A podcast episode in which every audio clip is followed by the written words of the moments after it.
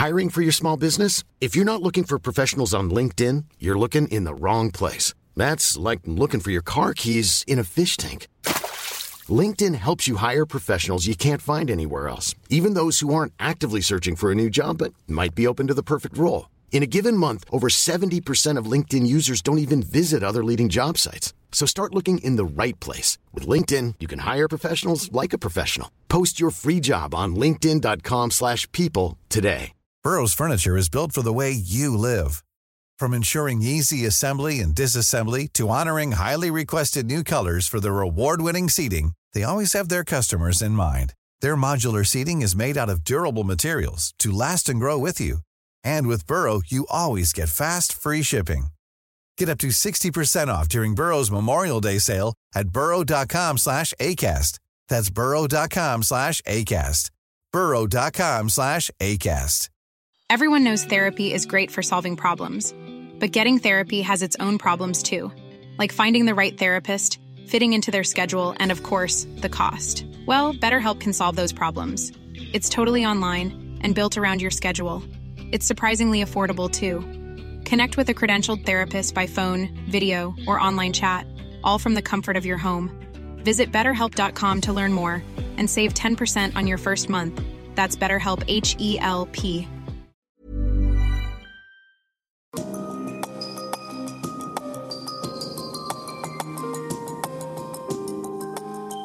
Du lytter til podkast fra Oslo Militære Samfunn. Besøk vår hjemmeside oslomildsamfunn.no, og se oss også på Facebook, Twitter og LinkedIn. I aften har vi besøk av førsteamanuensis Anine Kierulf. Tema ytringsfriheten. Verdt å forsvare. Mulig å forsvare.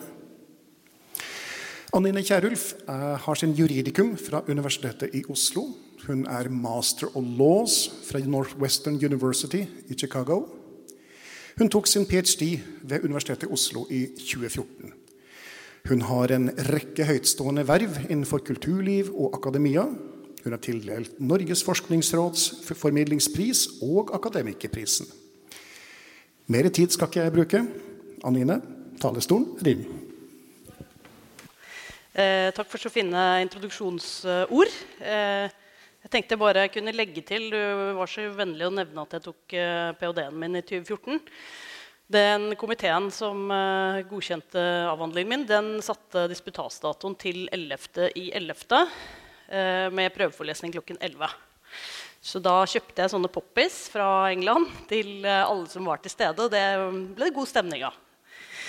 Um, ja, jeg eh, skal da snakke om eh, nok et oppgitt emne. Det er veldig forfriskende når det er en stund siden man har eh, fått prøveforelesninger. At man får sånne oppgitt emner igjen. Eh, og så er det jo sånn også med denne komiteen her, da, som gir sånne oppgitte emner, at de jo, finner jo sånn snedig, litt vanskelige problemstillinger som man skal svare på. Så jeg må bare takke for det. Eh, den siste delen av det oppgitte emnet, nemlig altså ytringsfriheten verd å forsvare, mulig å forsvare, spørsmålstegn, der tenker jeg kanskje at uh, egentlig er dere som er ekspertene. Er det mulig å forsvare ytringsfriheten? Det vet vel dere mer om enn meg. Uh, så da kan jeg i hvert fall kanskje få litt hjelp til det. Uh, så det jeg skal prøve å utrede mer, det er hvorfor ytringsfriheten eventuelt er verdt å forsvare, og hvordan den er forsvart. Før jeg gjør det, så skal jeg bare kort innledningsvis si noe om hva ytringsfrihet er. og hva ytringer egentlig er for noe. Uh, og så bruker jeg litt mer tid på del to. Er den verdt å forsvare? Og i tilfelle hvorfor det?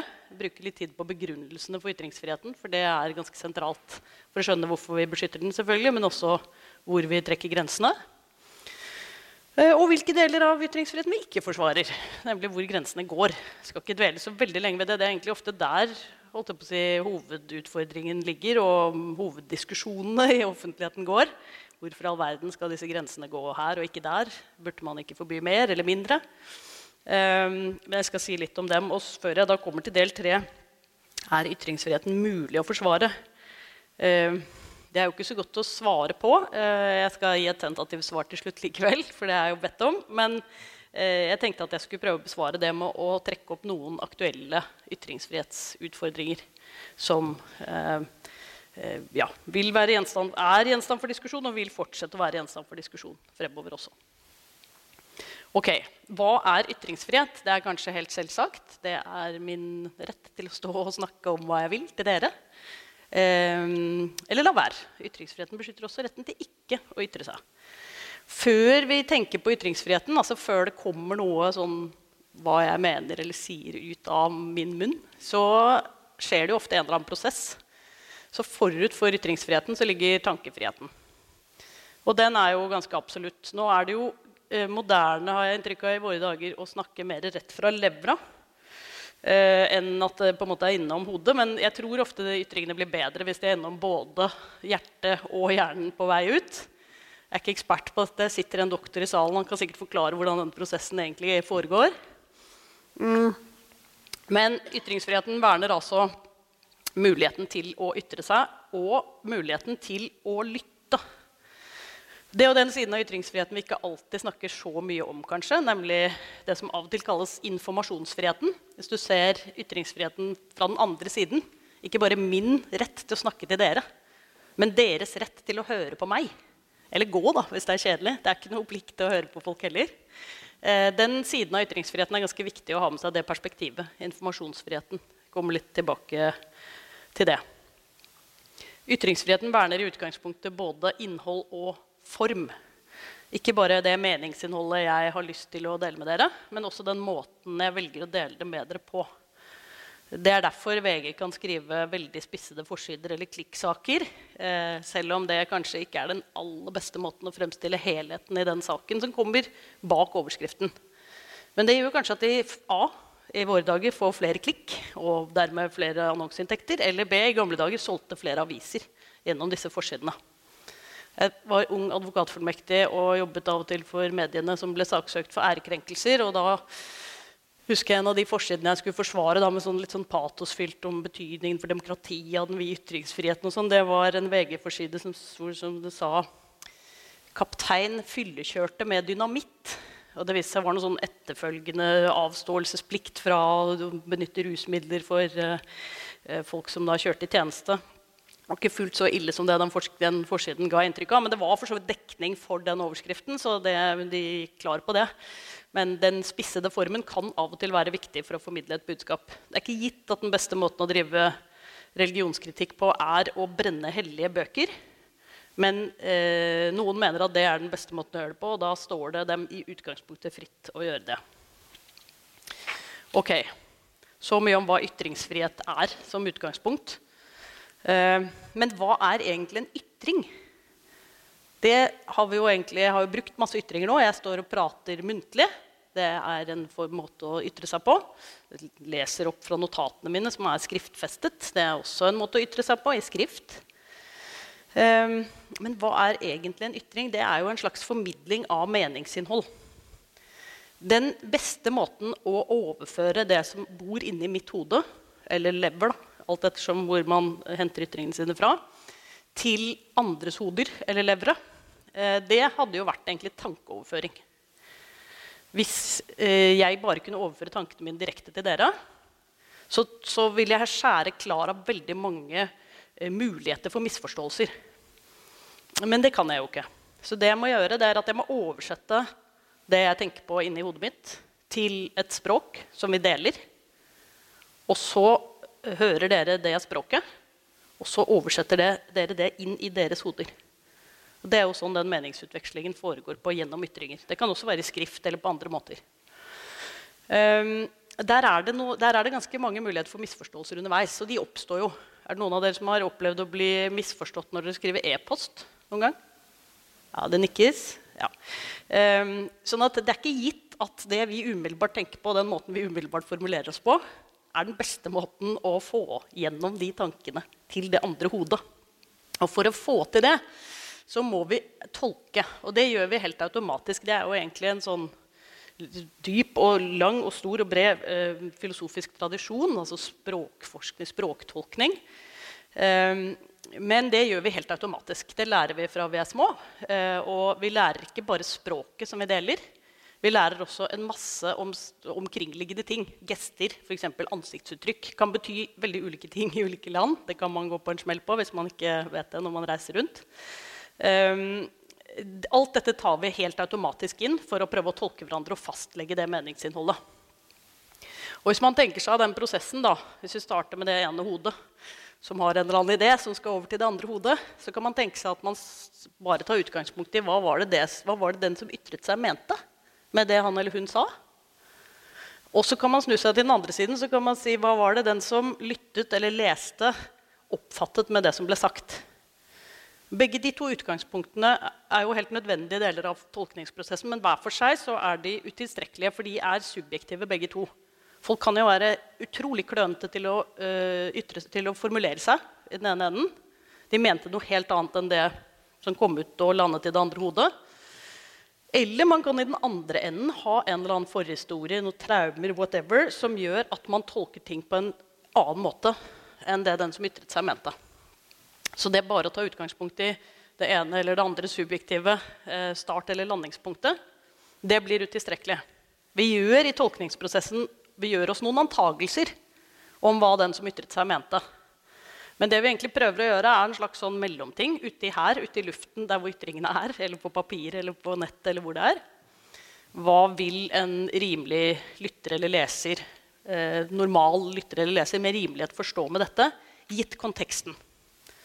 Og konteksten er jo helt avgjørende. For det samme ordet eller den samme formuleringen kan bety utrolig ulike ting i ulike sammenhenger. Hvis jeg sier 'skyt' på en eksekusjonspeltong, så eh, er følgene av det veldig annerledes. Og forståelsen av meningsinnholdet det er veldig annerledes og ganske dramatisk enn hvis jeg sier det like ivrig, like innbitt på en fotballbane. Det er noe annet å skyte på en skytebane enn på en fotballbane. For eksempel. helt samme ordet betyr to helt forskjellige ting. Um, der er det jo uh, for, altså, Det å trekke inn den konteksten på den måten det gjør vi også helt umiddelbart. Men fordi ytringer ikke alltid leses eller lyttes til i den konteksten de ble fremsatt, så kan også det bidra til en del misforståelser. Jeg kommer litt tilbake til det. Særlig når det gjelder Internett, og ikke bare på e-post, men også i sosiale medier. Eh, ok, Det var litt om hva ytringsfrihet er, og hva ytringer er, og hvordan vi finner meningsinnholdet i dem. Ja, det var én ting jeg glemte å si. og det var når jeg snakket om ytringer nå, så har jeg stort sett snakket om ytringer i språk. Men ytringer trenger ikke bare å være i form av språk. De kan også være i form av handlinger. Nå beskytter vi ytringer på en helt særegen måte. Det skal jeg komme tilbake til. Men det er fullt mulig å overføre meningsinnhold bare ved å handle også. Hvis jeg gjør sånn, så kommuniserer det noe til dere. Fordi vi har en felles normforståelse av hvordan denne type gester er. Og det er jo en finger strukket i været betyr noe positivt. Men eh, hvis jeg var en marsboer og hadde reist ned til jorden, og så hadde jeg sett at når folk strakk en finger i været, så ble det veldig god stemning rundt. Reiste tilbake og forklarte det til Mars. Og de andre marsboerne kom ned og var liksom klar for denne måten å forstå gesten 'finger i været' på. Og så kom de plutselig over noe som strakk en finger i været, så ble det bare utrolig dårlig stemning istedenfor. Ingen sa noen ting, de bare handlet, men de kommuniserte to helt ulike budskap. Og Det må man egentlig kjenne til veldig mange sånne samfunnsnormer for å forstå. Um, det er noe veldig ulikt som kommuniseres om du brenner et IS-flagg eller om du brenner et amerikansk flagg. Begge deler er bare en handling, men det er også like klart et veldig tydelig budskap bak den handlingen. Det gjør at det kan regnes som ytringer rettslig sett og få en særskilt beskyttelse rettslig sett. Ok. Um, del to av det oppgitte emnet, ytringsfriheten, er den verdt å forsvare? Ja, altså Jeg vet jo hva jeg vil svare på det. Uh, ja, den er verdt å forsvare. Men hvorfor er den det? Det må jo begrunnes.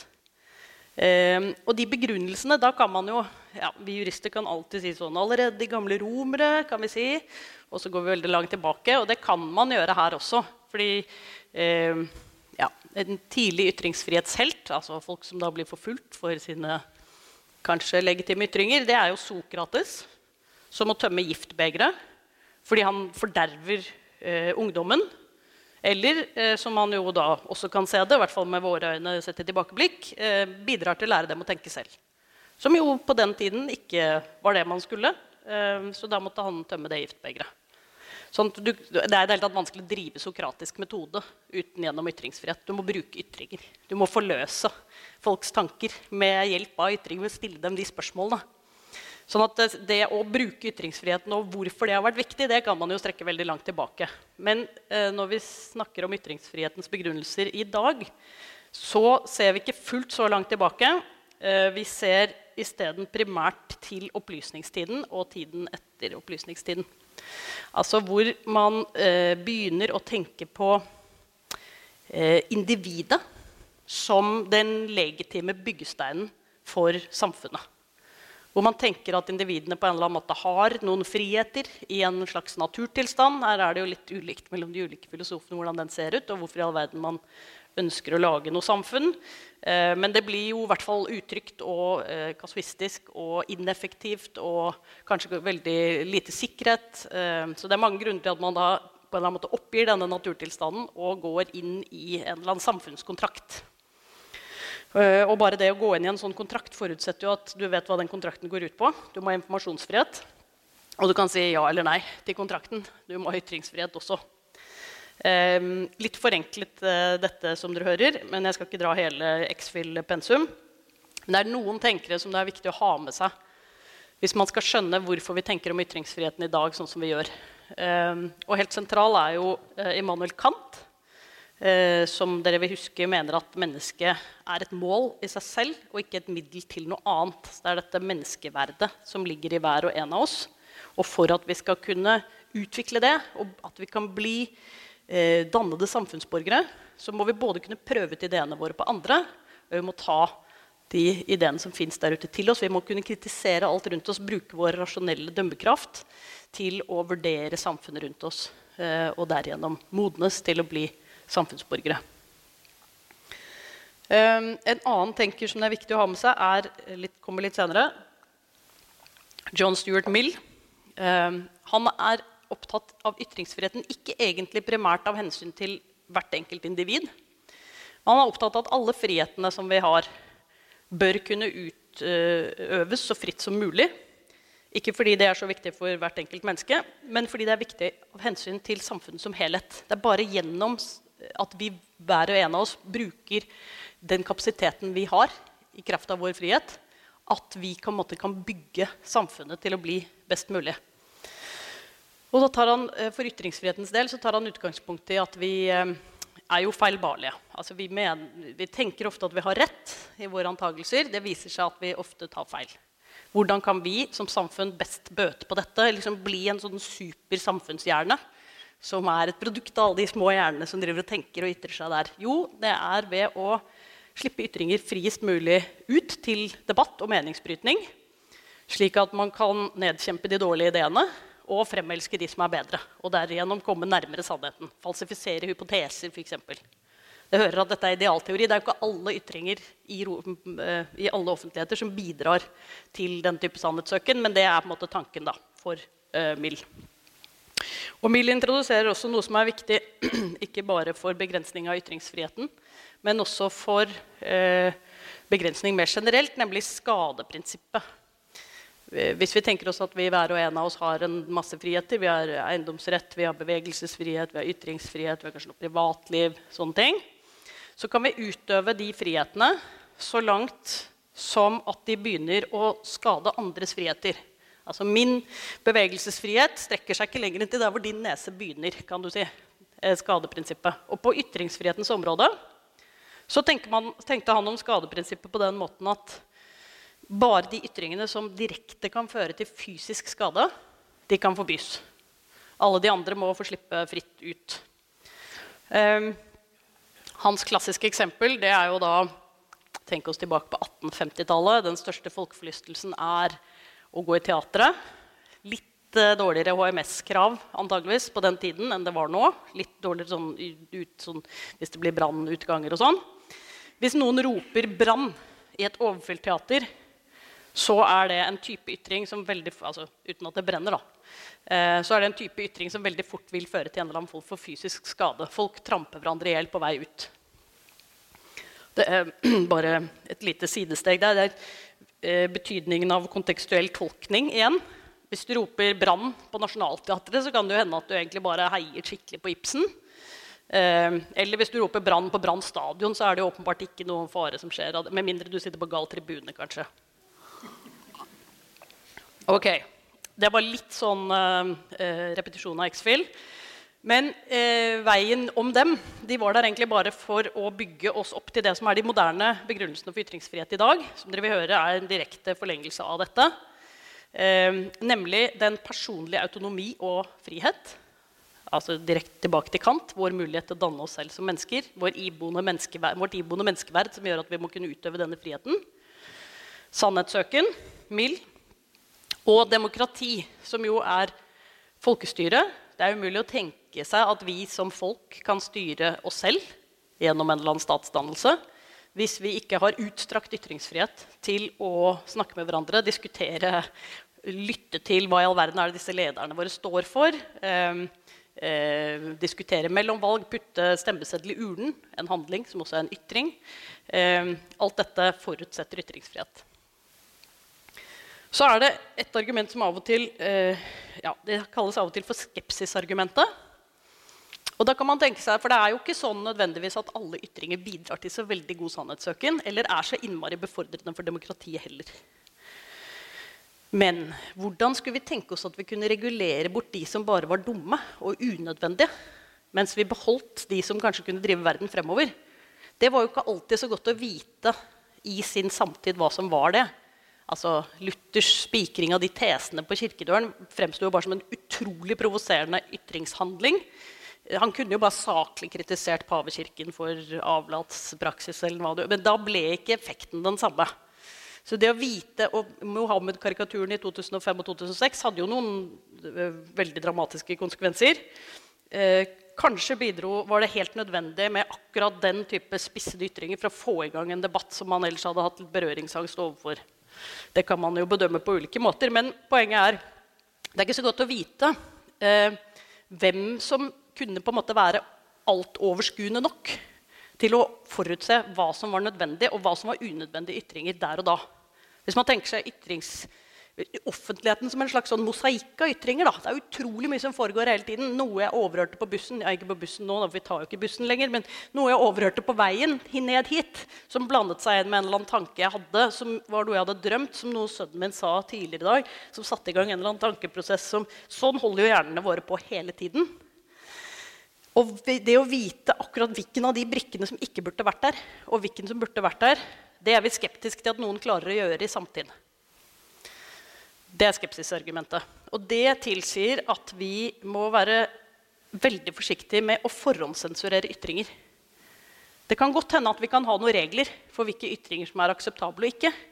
Men de må få slippe frem først, sånn at vi blir oppmerksom på dem.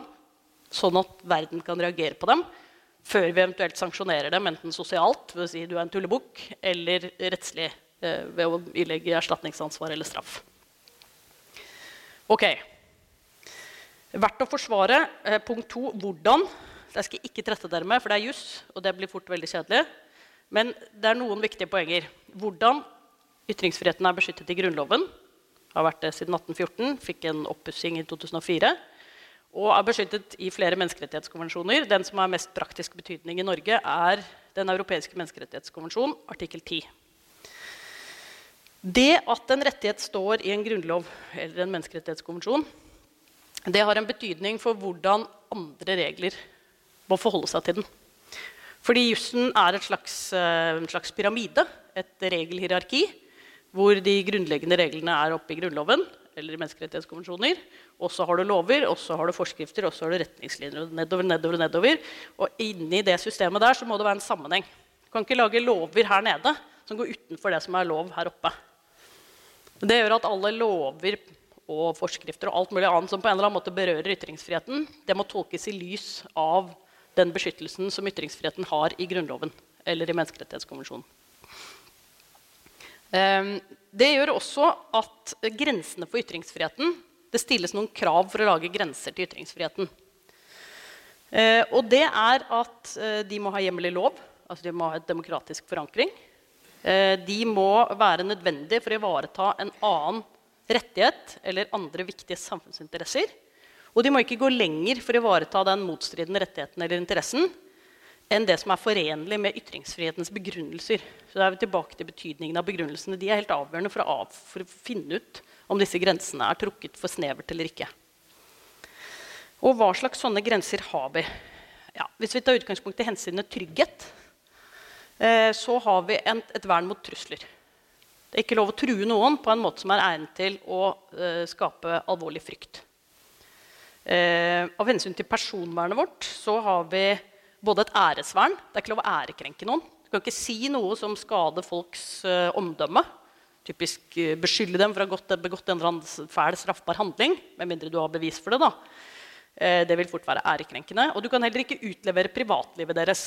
Det å si at eh, naboen er utro med naboen over gangen, eh, det vil være en utlevering av vedkommendes privatliv som i utgangspunktet er vernet og forbudt. Men, og da kommer disse ytringsfrihetsbegrunnelsene inn igjen, hvis naboen din over gangen er en sentral KrF-politiker som har bygget hele sin politiske plattform på ekteskapets ukrenkelighet, så er det kanskje relevant for offentligheten likevel. Demokrati, sannhetssøken, å få vite om denne private opplysningen. Sier noe om forholdet mellom liv og lære, f.eks. Eh, da kan det være vernet av ytringsfriheten likevel. Den type avveininger må man foreta i alle disse grensedragningene. Så har man en, eh, stor, eh, ja, et stort inngrep i ytringsfriheten som er taushetsplikt i ulike eh, yrker, eller eh, hvor man får tilgang på eh, opplysninger. Og man har også i arbeidsforhold en lojalitetsplikt til sin arbeidsgiver. Det kan ikke midt i en anbudsprosess gå ut med alle forretningshemmelighetene som gjør at konkurrenten vinner istedenfor din egen bedrift. Det vil være typisk illojalt. Men det skal ganske mye til. Du kan være veldig kritisk til arbeidsgiveren din, også i offentligheten, uh, uten at det dermed er uh, illojalt. Så du har ganske vid ytringsfrihet der òg. Og så har du en gruppe som har vært ganske mye diskutert de siste årene, som er et forbud mot hatefulle ytringer. Og da er det hatefulle ytringer overfor en bestemt opplistet eh, eh, gruppering av minoritetsgrupper. Det er på bakgrunn av etnisitet eller hudfarge eller religion, nedsatt funksjonsevne, eh, homofil eller annen seksuell legning. Eller noe som det ble, akkurat ble utvidet til, eller blir vedtatt i annen gangs eh, lovbehandling i morgen, tror jeg. Eh, kjønnsidentitet og kjønnsuttrykk. Eh, det som er viktig bare helt kort å si om hatefulle ytringer-begrensningen, det er at den gjelder egentlig ikke for å verne mot den fæle følelsen der å bli utsatt for en hatefull ytring som en representant for en minoritetsgruppe. Den verner primært mot en følge av ytringen. Litt tilbake til skadeprinsippet til Mill, eller, eller ærekrenkelse, for så vidt. Altså det at det kan oppstå et hat i majoritetsbefolkningen mot disse minoritetene som følge av din ytring. Og Bakgrunnen for bestemmelsen er Rasediskrimineringskonvensjonen, som da kommer sånn i 1965, er det vel, som igjen kommer som et svar bl.a. på oppblomstring av eh, nynazistiske miljøer i Europa relativt kort etter andre verdenskrig. Og erkjennelsen av betydningen av holdt til den type grovt dehumaniserende ytringer som Der Stormer og andre bidro til i forkant av andre verdenskrig, som en slags opptakt til å skape dette massive hatet i en stor del av befolkningen. Så kan man alltid diskutere om sånne lover og regler virker eller ikke. men det skal jeg ikke trette dere med her. Det er litt om de rettslige grensene for ytringsfriheten. Men stort sett så kommer jo ingen av oss i nærheten av dem. Det er masse annet som begrenser ytringsfriheten vår mye mer i praksis enn rettslige grenser. Og den aller viktigste av dem den er sikkert veldig godt fordelt her i dette rommet. Det er folkeskikk. Det er utrolig mye vi går og tenker som vi ikke sier. Heldigvis. Da blir det veldig utrivelig rundt omkring i det offentlige rom. Du ler. Er det mye du tenker som du ikke sier? ja, De fleste av oss har jo noen ting vi tenker som vi ikke sier, og av gode grunner. Det kan være egentaktisk. Vi vet at vi slår utrolig dårlig tilbake på oss selv hvis vi sier til kjæresten vår nøyaktig hvordan hun ser ut til, han ser ut i den nye buksen, som strengt tatt ikke er så veldig gledelig. Eh, eller eh, den begeistrede utropet om at svigermor blir to uker på ferie istedenfor én. Eh, det kan være mange grunner til at vi gjør dette. Det kan både være hensyn til oss selv eller det kan være hensyn til andre. Omsorg for andre mennesker. Eh, og så er det jo liksom bekvemmelighet. Hva er det som gjør at du blir populær? Det kan styre ganske mye av hva du sier, eller hva du tror du blir populær av. Særlig kanskje i ungdommen. Eh, andre hensyn. Har dere vært borti Bjør Jens Bjørneboes ti bud til en ung mann som vil opp og frem i verden? Ja, ikke sant? Det er ganske bra føringer der for hvordan du skal sensurere deg selv for å komme deg snike deg opp og frem i verden på en sleip og feig måte.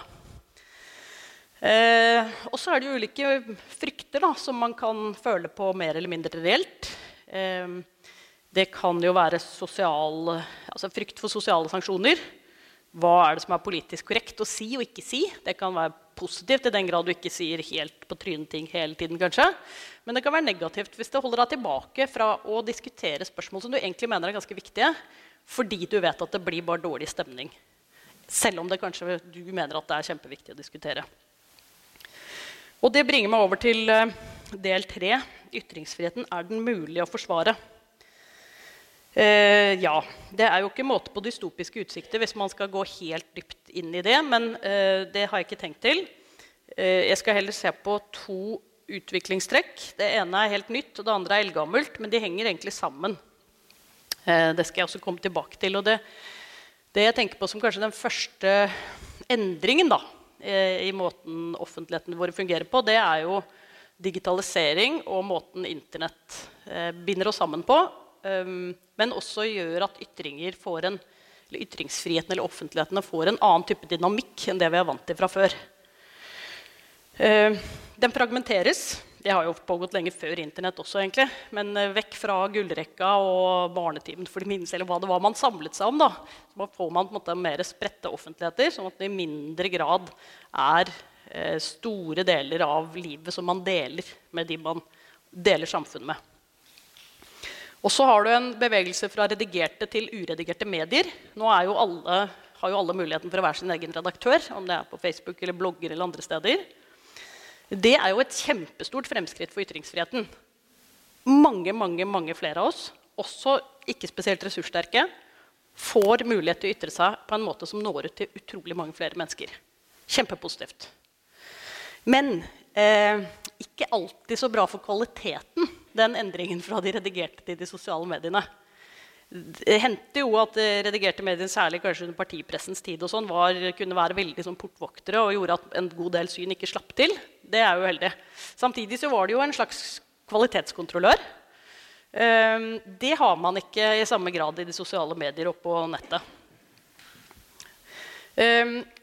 Og det som også påvirker kvaliteten, og da kommer jeg tilbake til den mulige misforståelsen som av og til oppstår i e-poster, den oppstår i ganske stor grad andre steder på nettet også.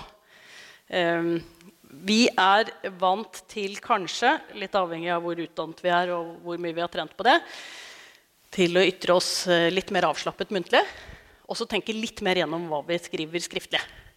Det skillet er helt visket ut på nett. Da skriftfester vi kjapt det vi tenkte umiddelbart inn i hodet vårt, uten å redigere så veldig tenke så veldig gjennom det som ble sagt. Da blir det ofte misforståelser. Vi kommuniserer ikke på en sånn veldig god måte. Det er liksom forskjell på hvordan man snakker på en pub, og hvordan man skriver avisinnlegg, men den forskjellen blir mindre. Og så er det også det store problemet at ting kan spres utenfor kontekst. Det som, kan, det som sies i et kommentarfelt på en uh, nettavis, bare for eksemplets skyld, så kan det være en, en artikkel om et ukontroversielt emne og en saklig debatt i kommentarfeltet. det er jo ikke alltid det er det, Men selv sånne helt saklige kommentarer de kan tas ut av kontekst. Eller man kan ta ut del av den kommentaren og spre den et annet sted. Og så ser den helt forferdelig ut. Det er også en utfordring. Og hvordan i all verden skal man komme det i møte? Det er jo ikke så lett fordi disse store teknologigigantene de sin, sin helt egen, de er jo ikke nasjonalstater som er regulert av lover og regler og underlagt menneskerettighetskonvensjoner. og whatnot. De er helt sine egne varianter. Jeg tror det er han, eh, den britiske historikeren eh, Timothy Garton Ash som har sagt, sammenlignet dem med altså Hvis stormaktene da, eh, og nasjonalstatene kanskje er store hunder, og vi eh, borgere er små mus, så er disse teknologigigantene i midten de er sånne store katter og katter de lar seg jo ikke innordne noen regler. De gjør akkurat som det passer dem. Eh, og det gjør også disse teknologigigantene. Og det er en utfordring fordi de fungerer jo i noen grad som aviser på en måte, uten å være redigert overhodet. De virker som en megafon på ytringene dine, som gjør at de får en spredning som de ellers aldri ville hatt. Men de fraskriver seg ethvert ansvar for de ytringene. Det er ikke noe medvirkningsansvar. De, er ingen, det, er ingenting som på en måte kan lastes dem. For de er bare nøytrale plattformer som andre leverer ytringene sine på. Altså, sånn fungerer det jo ikke i praksis i det hele tatt, for de har jo sine egne brukervilkår, og de driver egentlig i utstrakt grad og modererer på ulike nivåer, men det er ikke så lett å regulere dem på andre måter enn de regulerer seg selv. Så det er én eh, utfordring. Og så har man jo konsekvensene for demokratiet av denne sosialmediale utviklingen. Eh, et populært begrep om dagen er jo fake news. Eh, det eh, spres jo i mye større grad enn det gjorde før. Trolling, altså egne fabrikker som bare bidrar til å skape uhygge og ugreie i diskusjoner som er i sosiale medier og andre steder, av ulike grunner. Kan bare være for å lage kvalm, kan være for å påvirke oss i en eller annen retning som statlige eller ikke-statlige aktører syns det er fint at vi blir påvirket i. Eh, dette akselereres av måten Eh, de sosialmediale og teknologigigantenes algoritmer fungerer på. Algoritmer er en form for sånn kunstig intelligens som eh, styrer hva som kommer øverst i en feed, eller på en måte gjør at du ser noen typer ytringer oftere enn andre. Og de premierer ofte den type ytringer som er litt spisset, ikke så nyansert, litt eh, sensasjonalistisk. Det som gjør at folk blir veldig opphisset og begynner å skrive mot. Fordi konsekvensen av det er at du blir lenger på den nettsiden eller det kommentarfeltet eller den plattformen. Og dermed kan du eksponeres for mer annonser. Og eh, selskapene kan samle inn mer data om deg og skjønne mer av hvordan du opererer, og bruke det til sine kommersielle formål videre. Det har også en eh, eh problematisk eh, side til, som egentlig er et sånn klasseproblem i noen grad. Eh, det er at eh, Løgner og manipulering og dårlige nyheter, fake news, det er gratis. Mens kvalitetsjournalistikk, det koster. Da møter du sånn betalingsmur. Og da er det noen av oss da, som faktisk betaler det av og til, eller kanskje har et abonnement. Mange har ikke råd til det, eller tar seg ikke råd til det. Skaper en større forskjell på hva slags informasjon folk får. Det er ganske problematisk og ikke så lett å vite hvordan man skal komme rundt heller, fordi redigerte medier må jo leve, og gravejournalistikk koster penger. Um, disse algoritmene de akselererer jo også våre menneskelige svakheter. De, vi blir opphisset, vi blir sinna, og så bruker vi det på en måte som egentlig ikke er så konstruktiv for den offentlige samtale. Uh, vi leter etter uh, bekreftelse på det vi allerede trodde. Sånn er vi bare skrudd sammen. Det får vi i fullt monn av måten disse sosiale mediene fungerer på. Uh, vi tenderer til å holde oss med de som er enige med oss. Eh, jo mer vi holder oss med de som er enige med oss, jo mindre moderate blir vi. egentlig. Vi blir bare mer og mer i den retningen vi er i. Eh, en rekke sånne gruppedynamikker som egentlig ikke bidrar til noe sånn veldig eh, god ny forståelse eller god demokratisk utveksling og meningsbrytning med andre som faktisk har andre typer ideer enn oss. Det gjør også at eh, debattklimaet blir hardere. Eh, og når debattklimaet blir hardere, så gjør det det vanskeligere å realisere ytringsfrihetens begrunnelser. Det blir ikke noe god sannhetssøking. Det blir ikke så godt demokrati heller av bare sånn sinna-ytringer. Eh, og det gjør jo også at folk trekker seg fra eh, samfunnssamtalen. Og det er selvfølgelig et demokratisk problem. Det undergraver de, eh, ytringsfrihetens begrunnelser i at flest mulig meninger egentlig skal brytes mot hverandre til enhver tid. Hvis en rekke meningsytrere bare trekker seg fordi de ikke orker mer, Eh, så er det et eh, demokratisk problem. Og det er også et problem fordi du ikke får realisert ytringsfrihetens begrunnelser godt nok. Eh, og politikere trekker seg. Fra ungdomspolitikere trekker seg. De vil ikke lenger være politikere. Ble jo da fremhevet som en trussel mot demokratiet i PSTs trusselvurdering i fjor. så dette har jo ganske store og, og egentlig ganske alvorlige konsekvenser. Um, og, og hva, hva, gjør det med samfunnssamtalen vår at vi har ja, samfunnstopper da, som er måte, forbildene våre? Eh, som egentlig, no, noen kan jo bidra positivt, eh, i, også i sosiale medier. om det er, Jeg vet ikke, jeg følger ikke Angela Merkel på sosiale medier, men jeg vil ikke, an, vil ikke anta at hun liksom ytrer seg så veldig kjipt. Men eh, det er jo noen vet, Det heter president elect, de som er på vei inn. Heter det president reject, de som er på vei ut? Det vet jeg ikke. I hvert fall han som er på vei ut i USA nå, har jo ikke egentlig utmerket seg som noen veldig sånn foregangsfigur for å skape gode offentligheter og god samtale i de sosiale mediene.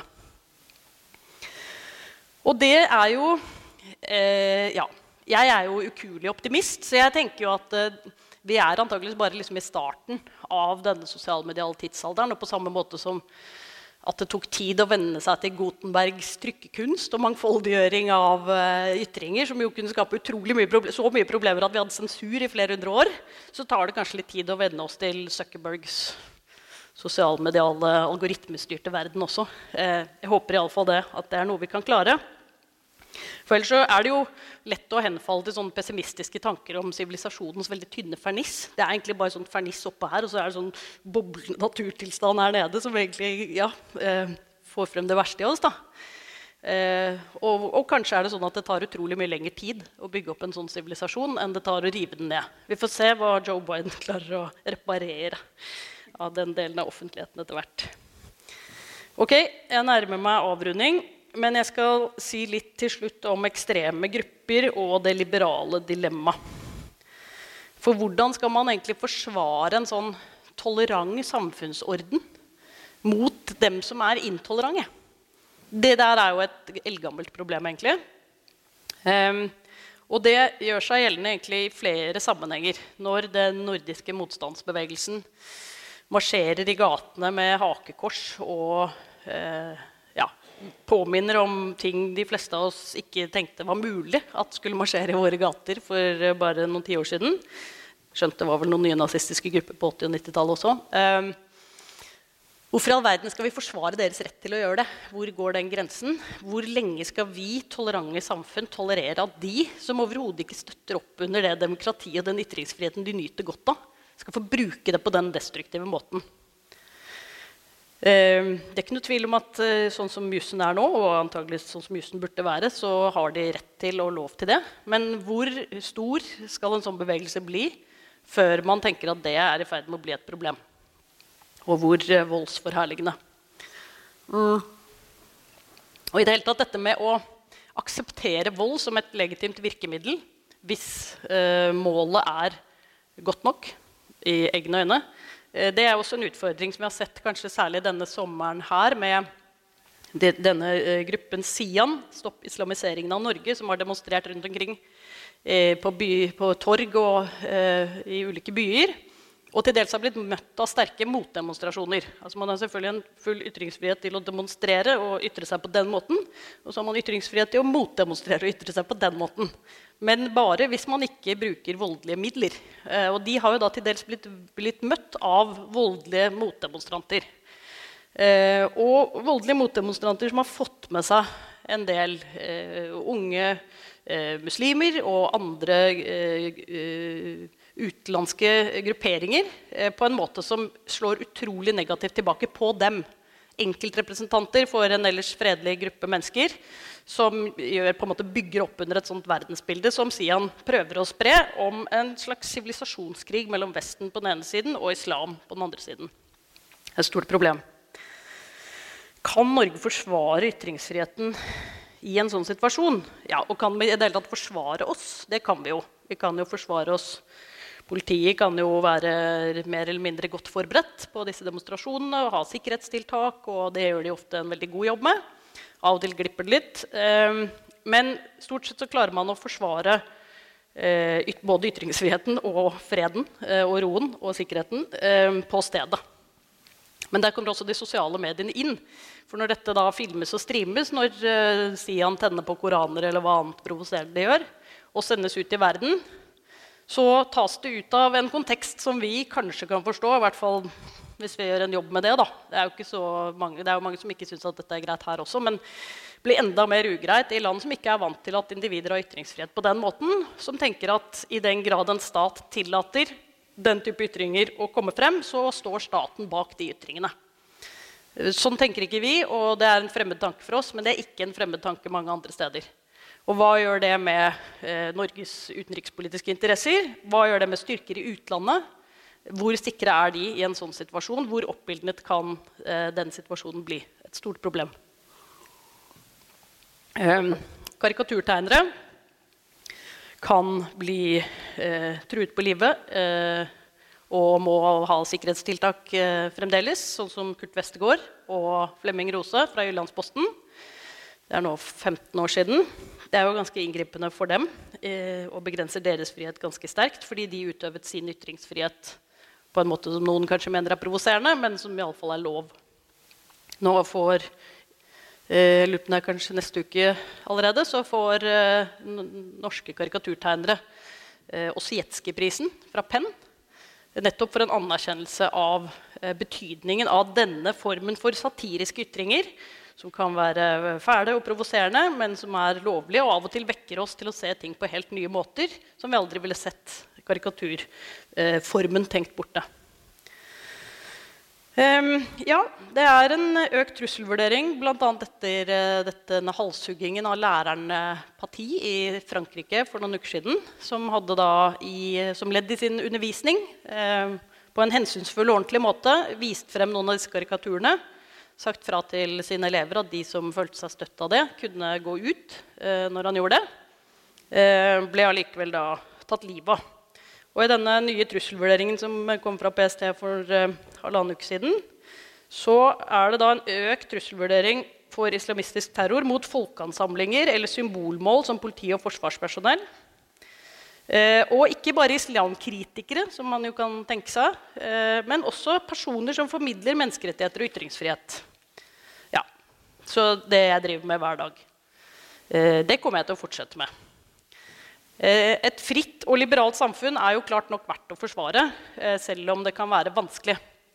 Vi tar jo egentlig utrolig mye sjanse bare med å ha et demokrati, ha et fritt samfunn. Altså At folk kan gå rundt og bevege seg fritt og gjøre hva de vil. Noen av dem kan til og med ha våpen hvis de er jegere eller andre ting. Um, de, vi overvåker dem ikke hele tiden. De kan snakke fritt både med hverandre og offentligheten. Eh, vi kan ikke bruke tvang annet enn i veldig snevre tilfeller med klare hjemler. Vi utsetter oss jo for masse risiko. Det hadde vært mye lettere å være diktatur. antakelig, eller i hvert fall litt mer diktatorisk da. da ikke være så innmari opptatt av de menneskerettighetene hele tiden. Hadde jo gjort ting mye sikrere, greier, enklere og mer effektivt. Altså, Demokrati i seg selv er jo veldig ineffektiv eh, styreform. Men eh, vi syns jo at det er ganske fine verdier. Vi setter pris på dem. Jeg mener de er verdt å forsvare, både ytringsfrihet og demokrati. og alt Det andre, det tror jeg egentlig alle er enig i. Um, men det er jo et ganske skjørt prosjekt. Vi må bygge det litt sånn nedenfra hele tiden hver dag. Både med måten vi opptrer i offentligheten på, og uh, på andre måter. Det blir ikke demokrati fordi man vedtar det ovenfra eller putter inn i en grunnlov. Det er noe vi må bygge opp under hver eneste dag. Og sånn er det med ytringsfriheten også. Offentligheten blir ikke bedre enn det de mer nyanserte og saklige opplysningsinteresserte stemmene prøver å gjøre den til. Så jeg tenker at ytringsfriheten verdt å forsvare. Også mulig å forsvare. Vi har jo gjort det og klart det ganske lenge. tenker vi skal prøve å fortsette med det. Takk for oppmerksomheten.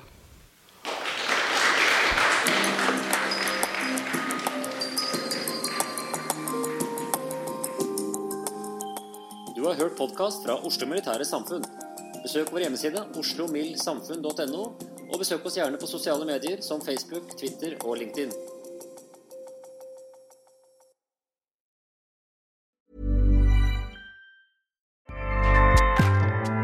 ACAST powers the world's best podcasts. Here's a show that we recommend.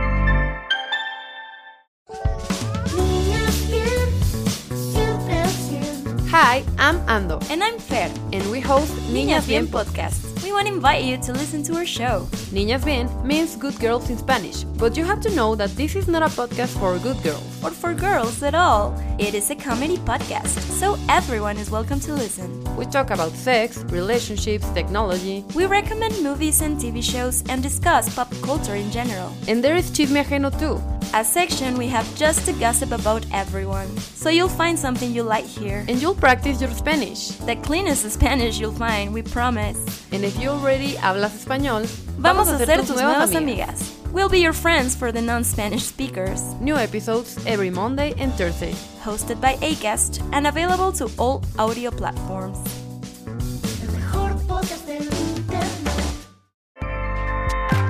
ACAST helps creators launch, grow, and monetize their podcasts everywhere ACAST.com.